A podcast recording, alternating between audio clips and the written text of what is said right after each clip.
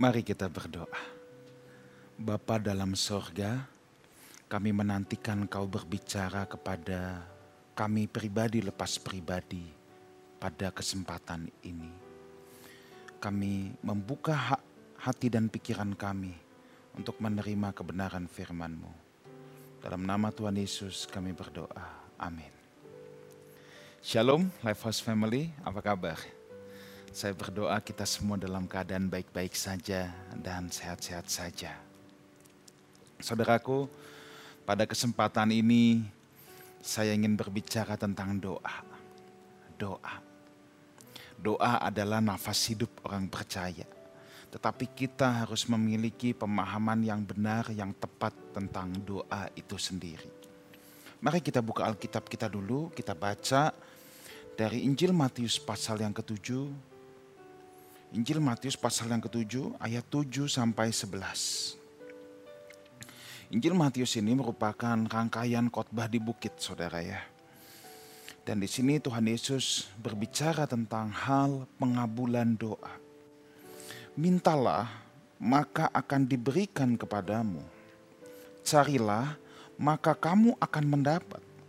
Ketoklah maka pintu akan dibukakan bagimu karena setiap orang yang meminta menerima, dan setiap orang yang mencari mendapat, dan setiap orang yang mengetok baginya pintu akan dibukakan.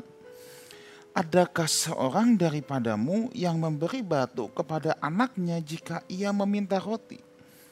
Atau memberi ular jika ia meminta ikan? Ayat yang ke-11. Jadi, jika kamu yang jahat tahu memberi pemberian yang baik kepada anak-anakmu, apalagi Bapakmu yang di sorga, ia akan memberikan yang baik kepada mereka yang meminta kepadanya. Saudaraku, kalau kita bicara tentang doa, selalu kita akan tertumbuk pada dua ekstrim, saudara. Ya. Ekstrim yang pertama mengajarkan kita harus minta, bahkan minta yang bertalu-talu. Dasarnya dari ayat yang ketujuh dan yang kedelapan katanya minta akan diberikan. Jadi minta terus.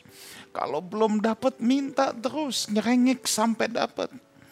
Kalau ayat yang kedelapan cari mengetok. Ayat yang ketujuh tadi ketok pintu akan dibukakan. Ada orang yang bilang kalau ketok belum bisa gedor. Waduh gedor nggak bisa dobrak. Wah tapi ada ekstrim yang kedua, saudara. Ekstrim yang kedua melarang sama sekali. Orang tidak boleh meminta. Katanya kalau doa masih meminta sama Tuhan, itu namanya masih anak-anak, tidak dewasa rohani sama sekali. Nah saudara ketika kita mendengar dua pandangan ini, banyak orang jadi bingung. Jadi kita boleh minta nggak ya? Nah dari pembacaan ini, ada lima hal yang saya hendak bagi supaya saudara memiliki pemahaman yang tepat, berimbang, balance, tapi persisi tepat. Ada lima hal yang harus kita perhatikan dari kebenaran yang kita baca. Yang pertama saudara, kalau saudara lihat tadi di ayatnya yang ke-11. Mulai dari ayat yang ke-9 sebetulnya. Adakah seorang daripadamu yang memberi batu kepada anaknya? Ayat yang ke-11 dikatakan lagi Bapakmu yang di surga. Hal pertama dulu yang kita harus perhatikan dalam doa adanya adalah harus adanya hubungan yang eksklusif. Hubungan eksklusif antara ayah dan anak. Hubungan eksklusif dengan Bapak yang ada di surga. Saudaraku, kekristenan memanggil Tuhan sebagai Bapak.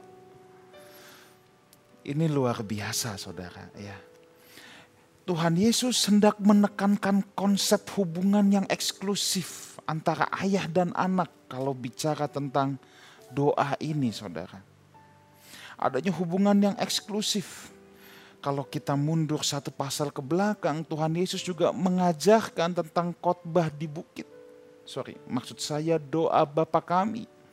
Dan di sana Tuhan Yesus mengajarkan untuk memanggil Bapa kami yang di sorga. Jadi prinsip yang pertama ini doa itu membutuhkan hubungan. Doa itu kan dialog saudara. Dan dalam dialog itu ada komunikasi, ada hubungan, ada dua pihak dan hubungan di sini adalah hubungan yang eksklusif antara ayah dengan anak. Dengar baik ini. Tuhan mencari hubungan, tapi setan tidak peduli dengan hubungan. Kenapa Tuhan Yesus turun ke dunia? Kenapa Bapa harus mengutus putranya yang tunggal turun ke dunia? Tidak ada alasan lain selain untuk mengembalikan hubungan yang sudah rusak antara Allah dengan manusia. Yesus datang sebagai penebusan.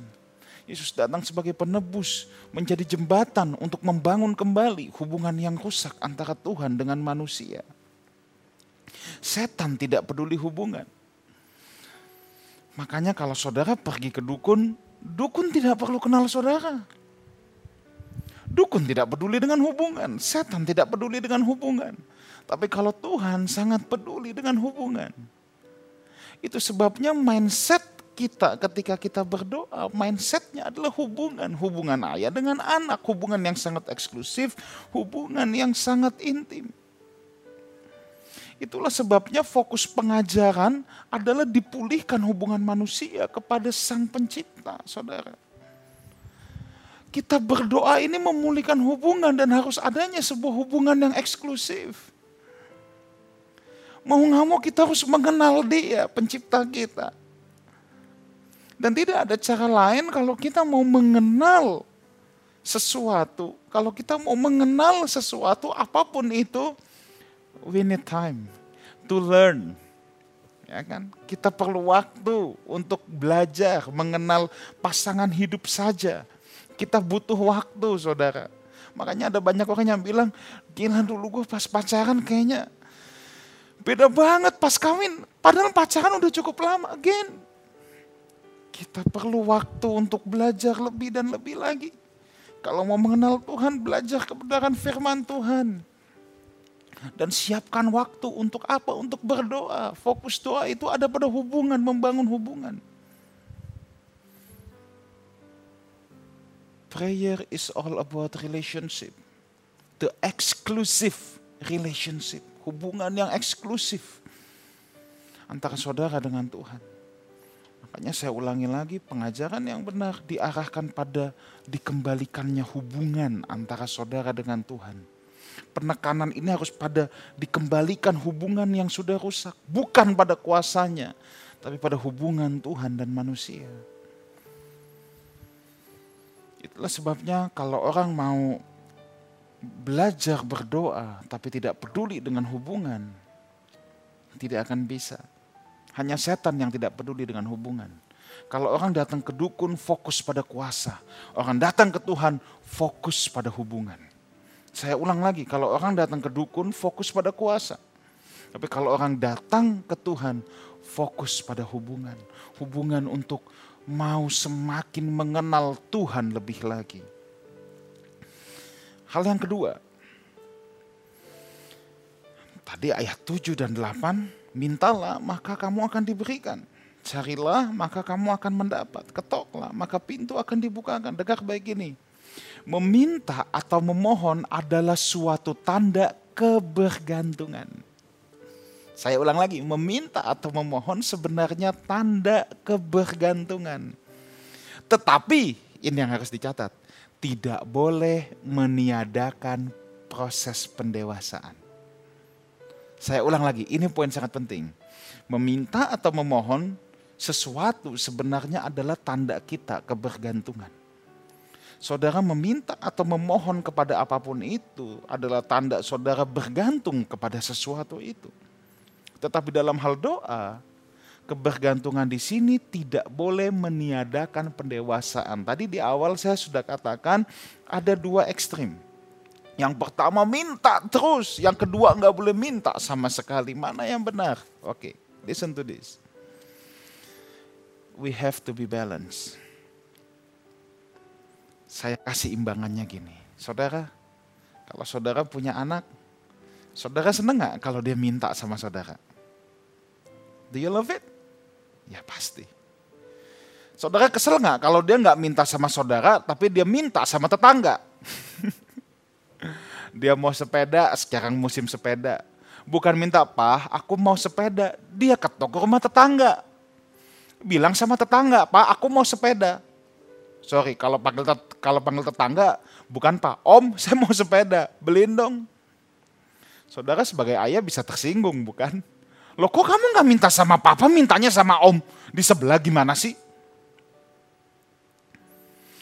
Itu sebabnya saya katakan bahwa meminta adalah tanda kebergantungan. Semua orang tua senang kalau anaknya meminta sesuatu. Tetapi kualitas permintaan itu beda saudara. Antara ketika masih kecil dan ketika sudah dewasa. Itu berbeda. Ya, itu berbeda. Jadi, tapi saya mau kasih imbangannya dulu nih.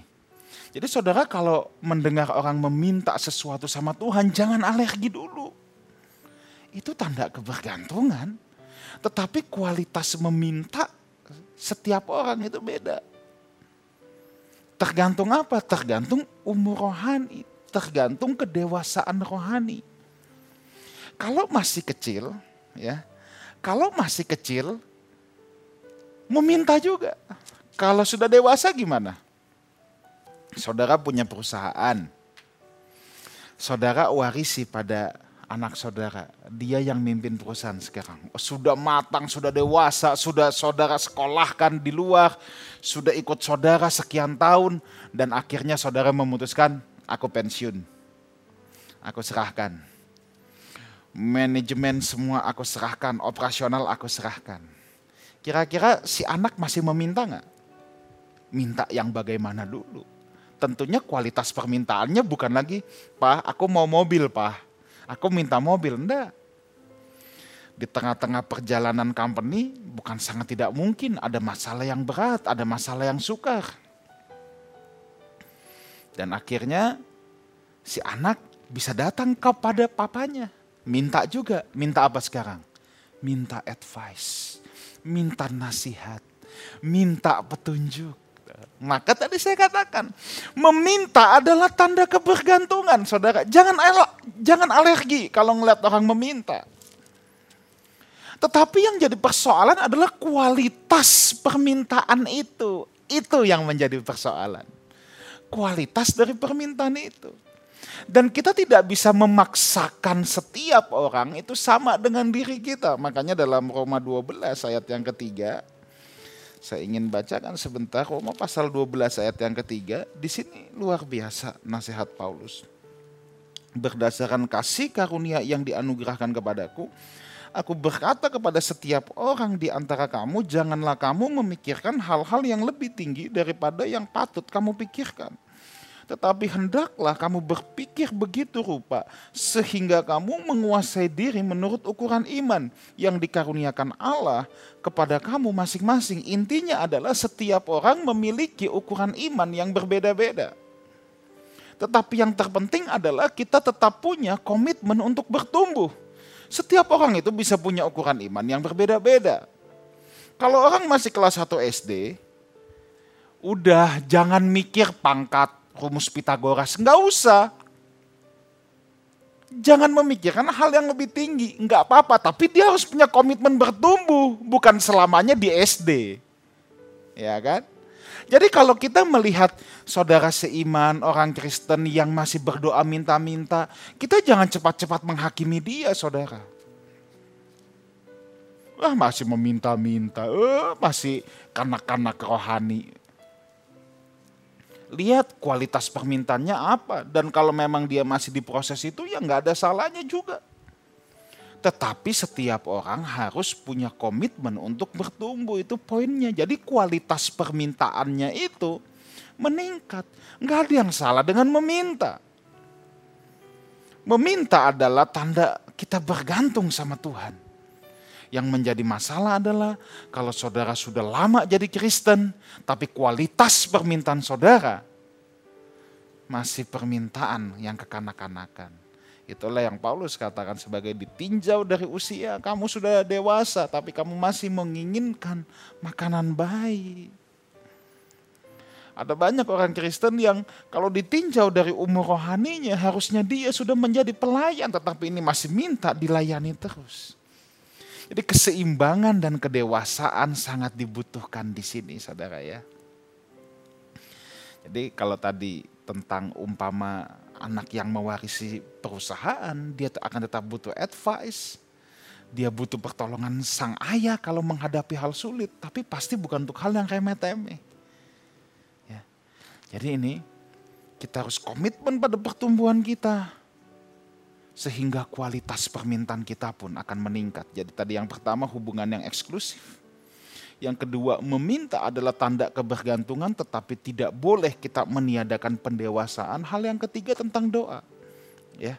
Hal yang ketiga tentang doa. Coba kita lihat sebentar ayat yang ke-9. Adakah seorang daripadamu yang memberi batu kepada anaknya jika ia meminta roti atau memberi ular jika ia meminta ikan? Hal yang ketiga tentang doa adalah permintaan kita dibatasi oleh Tuhan permintaan kita dibatasi oleh Tuhan. Apa maksudnya pastor? Kita lihat lagi ayat yang ke-9 tadi. Adakah seorang daripadamu yang memberi batu kepada anaknya jika ia meminta roti? Berarti permintaan kita dibatasi, kita tidak boleh minta batu. Ya kan? Atau memberi ular jika ia meminta ikan. Kita nggak boleh minta batu, kita nggak boleh minta ular, dibatasi. Kalau kita minta batu, kita minta ular, pasti tidak akan diberikan. Tetapi persoalannya memang orang yang masih kekanak-kanakan rohani kadang-kadang tidak tahu mana batu, mana ular. Enggak bisa bedain mana tali tambang, mana ular. ya. Itu yang jadi persoalan saudara. Jadi kalau saudara berdoa, saudara belum mendapatkan, jangan-jangan yang kita minta batu. Tapi aku lihatnya roti. Enggak, tapi Tuhan yang tahu. Yang kamu minta batu. Dan Tuhan gak akan kasih sebagai ayah yang baik tidak akan kasih saudara ya. Makanya semakin dewasa seseorang, semakin dewasa sang anak, dia akan semakin sepikiran dengan orang tuanya semakin kekanak-kanakan gap pemikirannya akan semakin besar. Tetapi semakin dewasa seseorang, gap pemikirannya dengan sang ayah akan semakin sempit. Itu yang yang Paulus katakan, kamu harus memiliki pikiran Kristus. Oleh sebab itu saudara, Bapak harus membatasi permintaan anaknya. Kalau anak kita suka permen, kita kasih permen. Tapi kita batasi juga. Dia mungkin belum tahu bahayanya. Buat dia, oh permen anak ini, uh enak, uh enak. Dia nggak tahu itu bisa merusak gigi kalau kebanyakan. Sebagai orang tua kita akan batasi saudara. ya Kita akan batasi. Permen oke okay, boleh sedikit. Seminggu sekali misalnya begitu. Gak boleh tiap hari Gak boleh sekali makan lima. Kita batasi. Kalau racun, icip pun gak boleh. Ya kan? Dulu zaman saya kecil ada, sekarang juga mungkin masih ada ya, tapi dulu zaman saya sekolah ngetop banget permen karet terus kita bikin lomba, bikin balon gede-gedean. Kita baru belajar makan permen karet itu mungkin pas sudah SD. Waktu TK nggak boleh permen karet. Kenapa? Orang tua khawatir. Kalau ketelan bahaya. Tapi itu enak loh, enggak. Tapi buat buat di usia saat di bawah lima tahun itu berbahaya. Dan orang tua harus membatasi permintaan. That's why kadang kala Tuhan harus membatasi permintaan kita.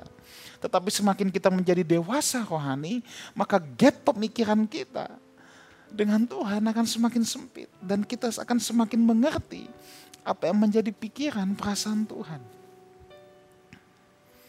Jadi kuncinya di sini adalah kita yang harus bertumbuh terus menjadi semakin dewasa.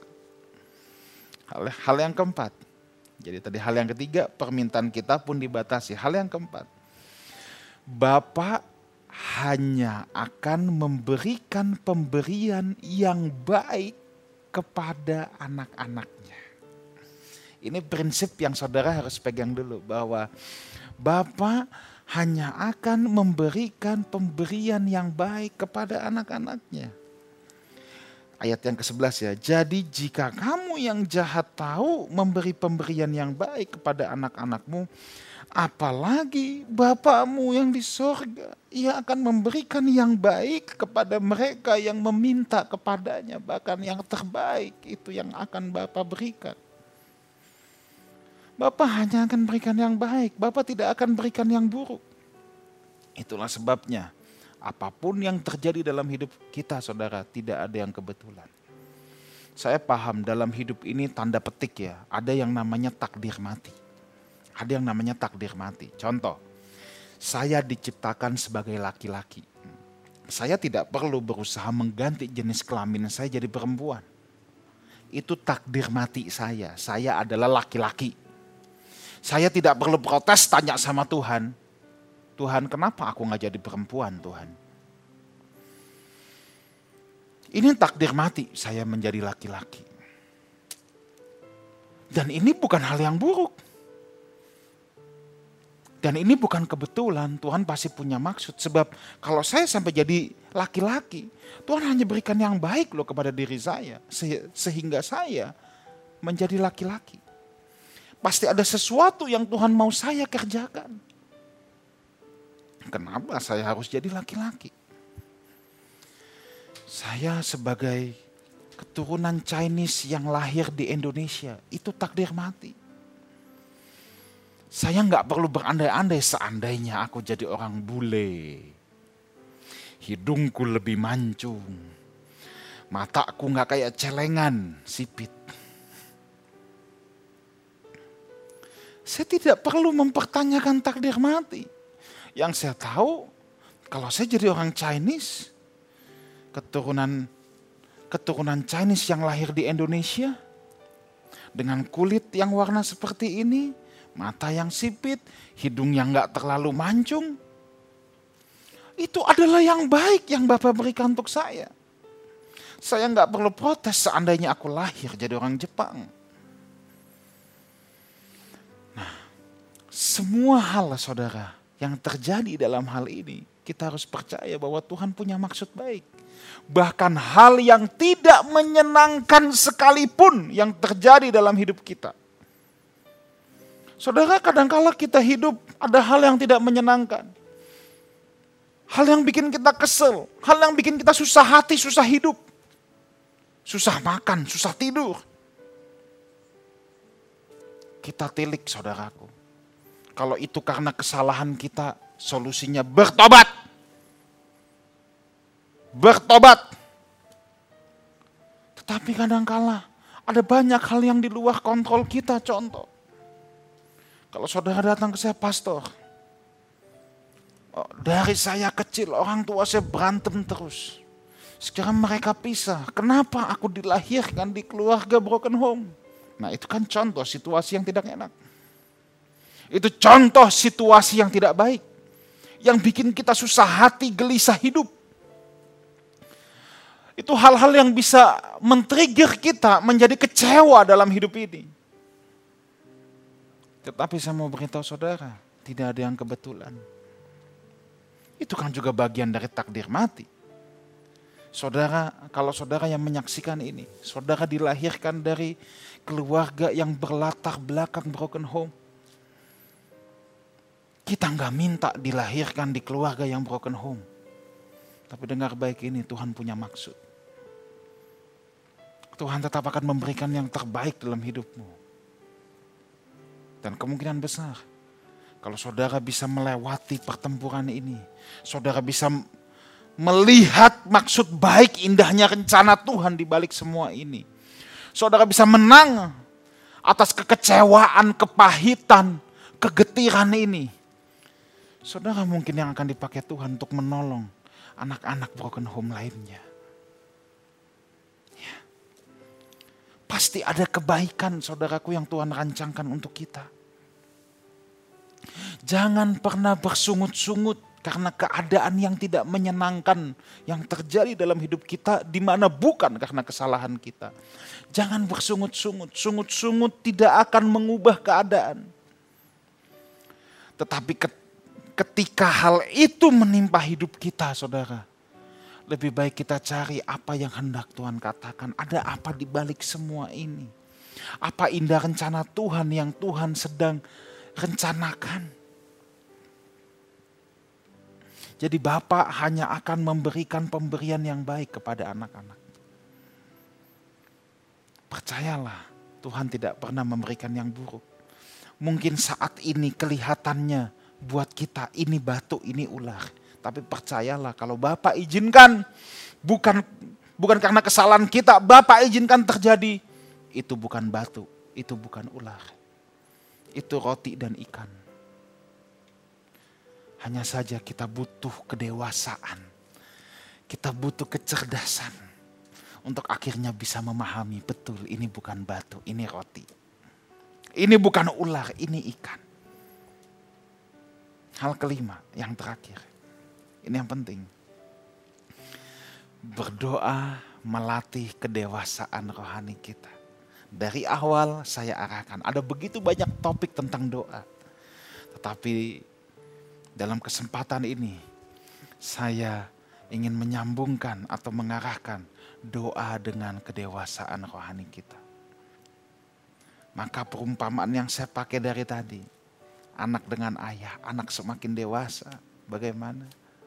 Meminta boleh, tapi pertumbuhan tidak bisa ditiadakan.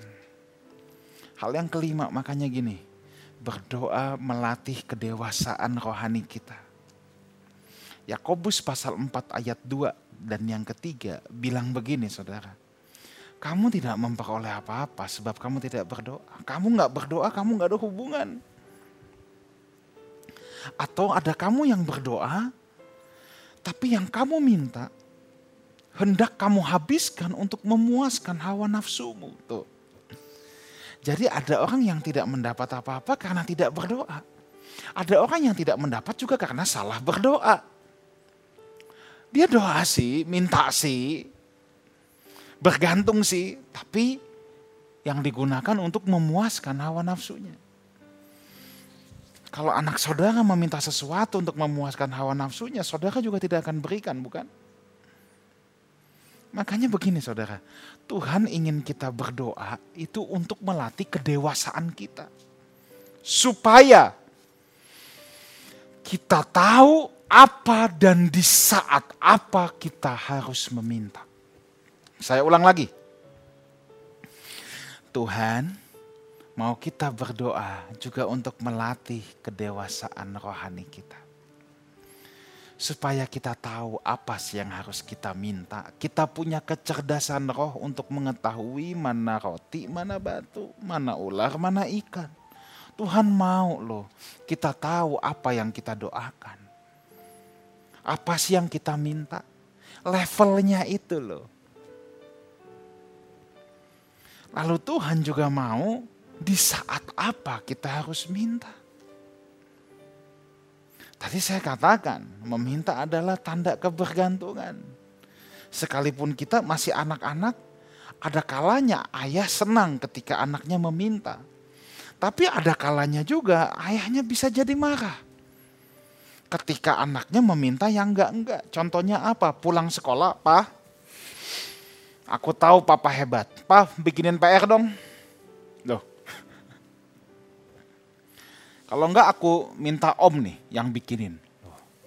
Ini harus didisiplin. Jadi tergantung mintanya apa. Kalau pak aku lapar, ma aku lapar.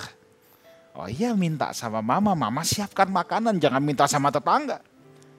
Marah mama, loh kok kamu lapar mintanya sama tetangga? Kamu lapar bilang sama mama nak. Ibu seneng, ibu mana yang tidak seneng untuk menyediakan makanan untuk anaknya? Tetapi ibu juga akan marah kalau pulang, mah bikinin PR. Besok suruh mbak ya yang ke sekolah, soalnya ada ulangan besok. Wah kurang ajar itu.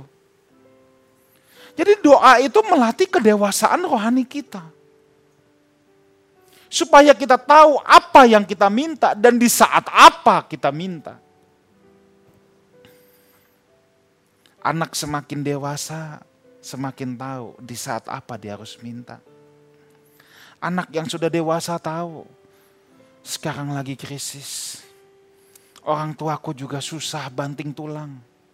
Dia tidak akan minta yang macam-macam, minta yang aneh-aneh. Anak yang sudah dewasa tahu. Tapi anak yang belum dewasa mungkin ada yang nggak mau tahu. Orang tuanya mau gimana kek. Pokoknya gitu jalan ke mall beliin mainan mah. Kalau nggak aku guling-gulingan di lantai mall. Ya anak kayak gini harus didisiplin saudara. Itu sebabnya doa melatih kedewasaan rohani kita supaya kita tahu apa yang kita minta dan di saat apa kita minta.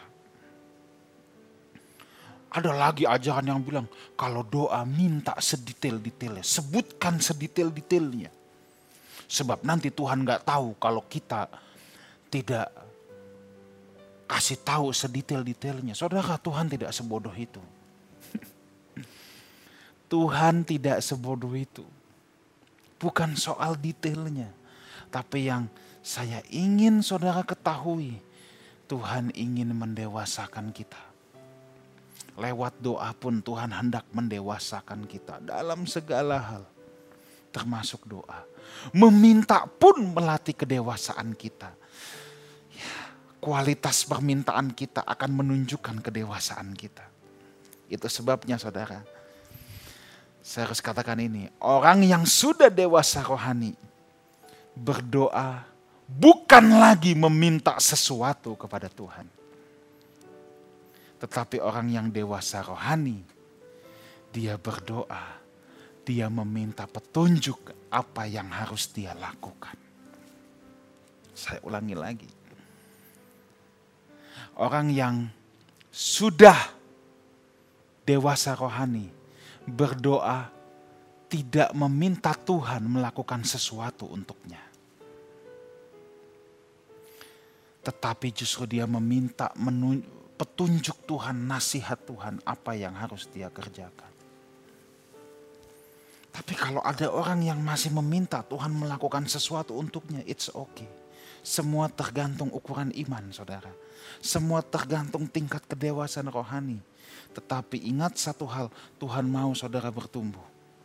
Kalau saudara baru jadi Kristen, saudara baru ikut Tuhan, saudara baru datang ke gereja, baru dibaptis, saudara dalam level kanak-kanak dapat dimengerti tapi kalau saudara bertahun-tahun, tahun-tahun ke gereja, ditinjau dari usia, kita sudah bulukan di bangku gereja.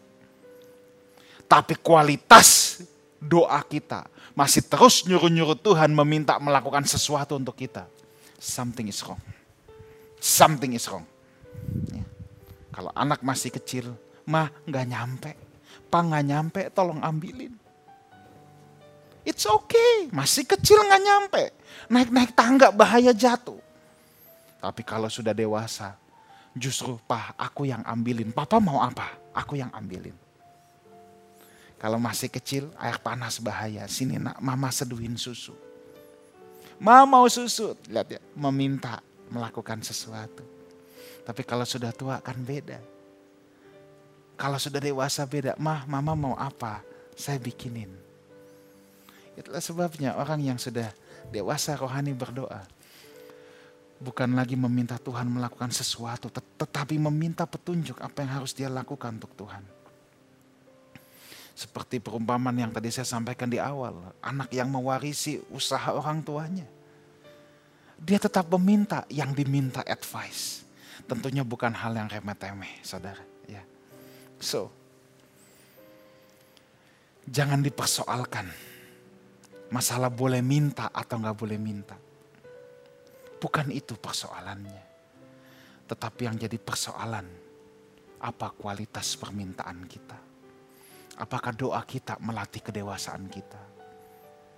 Jangan berdoa seperti anak-anak. Justru berdoa terus meningkatkan kedewasaan kita. Saya berdoa, Life Force Family punya hubungan yang eksklusif dengan Tuhan ada lima hal tadi, hubungan eksklusif dengan Tuhan. Meminta adalah tanda kebergantungan, tetapi kita tidak meni kita tidak meniadakan pendewasaan yang Tuhan kerjakan. Permintaan kita dibatasi oleh Tuhan. Yang keempat, Bapa hanya akan memberikan pemberian yang baik kepada anak-anaknya. Tanamkan itu dalam hatimu. Yang kelima, berdoa justru melatih kedewasaan rohani kita. Saya berdoa, Life House Family, kita menjadi orang-orang yang dewasa rohani. Kualitas permintaan saudara dalam doa terus meningkat dari hari ke sehari. Tuhan memberkati kita semua. Mari kita berdoa. Bapa dalam surga, hambamu terbatas dalam berkata-kata. Hamba berdoa, biar Tuhan saja yang menjamah setiap kami yang menyaksikan program ini. Biar lewat ibadah online ini Tuhan setiap kami tetap boleh dijamah Tuhan diberikan pengertian yang baru, yang tepat, yang berimbang. Sehingga kami tetap boleh memiliki ketajaman rohani Tuhan. Terima kasih Bapak, terima kasih. Kau lihat mereka yang ada dalam pergumulan hidup. Kau lihat mereka yang memohon sesuatu Bapak. Mereka memohon kepada Engkau karena mereka bergantung, tapi aku berdoa supaya mereka boleh terus memiliki pertumbuhan rohani dan kualitas permintaannya akan terus meningkat. Terima kasih Bapak. Sekarang saudaraku, kita akhiri ibadah online kita. Angkatlah kedua belah tanganmu dan terimalah berkat Tuhan.